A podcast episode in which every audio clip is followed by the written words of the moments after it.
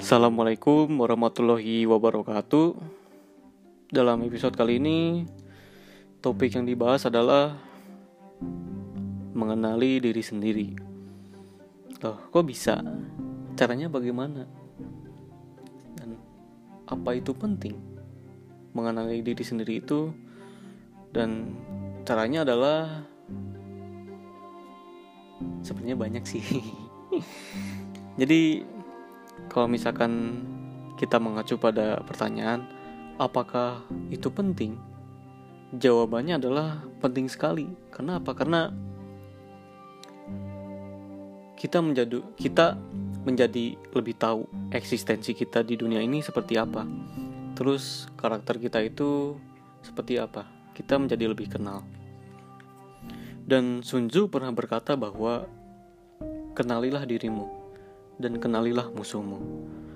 Maka dengan 100 pertempuran yang terjadi pun, engkau tidak akan kalah. Artinya apa? Artinya ketika misalkan kita mengenali diri sendiri dan juga kita mengenali diri musuh, dari segi kelemahan, dari segi kelebihan, maka kita akan menjadi lebih tahu bahwa menghadapi musuh itu seperti apa dari pernyataan seperti itu dapat disimpulkan bahwa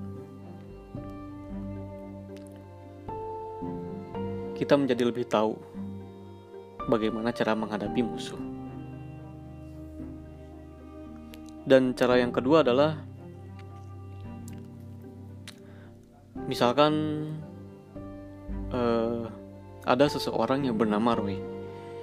Roy ini orangnya dia ingin mengenali dirinya sendiri. Dia ingin belajar seperti apa sih caranya kenal dengan diri sendiri itu. Nah, kemudian Roy ini belajar. Dia itu membuat suatu Roy bayangan lain di dalam dirinya sendiri. Dan Roy bayangannya itu dia bertugas untuk mengamati bagaimana sih sifat si Roy yang asli ini apakah dia pemarah atau apakah seperti apa. Nah, ketika misalkan si Roy yang asli ini dilanda sedang emosi, terus nangis, terus misalkan tertawa, si Roy yang bayangan ini dia hanya mengamati. Dia hanya melihat gitu. Dan dia tidak larut kepada perasaan itu. Maka dari dari situ dia lebih tahu dong si Roy bayangan ini lebih kenal dengan dirinya si Roy. Maka si Roy ini dapat mengenali dirinya sendiri itu seperti apa. Nah, contoh yang ketiga adalah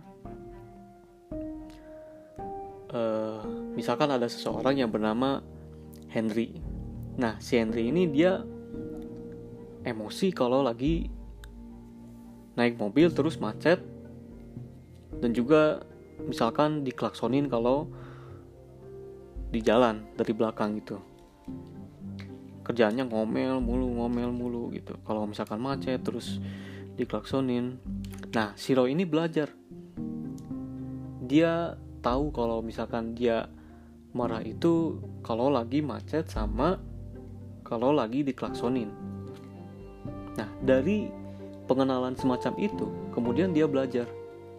Dia harus lebih melatih dirinya sendiri agar tidak terlalu terbawa emosi, maka untuk ke depannya dia bisa memperbaiki. Dan intinya seperti itu aja sih. Kalau misalkan kita ingin tahu cara mengenali diri sendiri itu seperti apa. Dan sampai sini aja sih uh, podcastnya. ya walaupun pendek ya, tapi lumayan lah berbobot. dan mohon maaf bila ada kata-kata yang tidak berkenan dan juga kata-kata yang kurang sempurna. Uh, wassalamualaikum warahmatullahi wabarakatuh.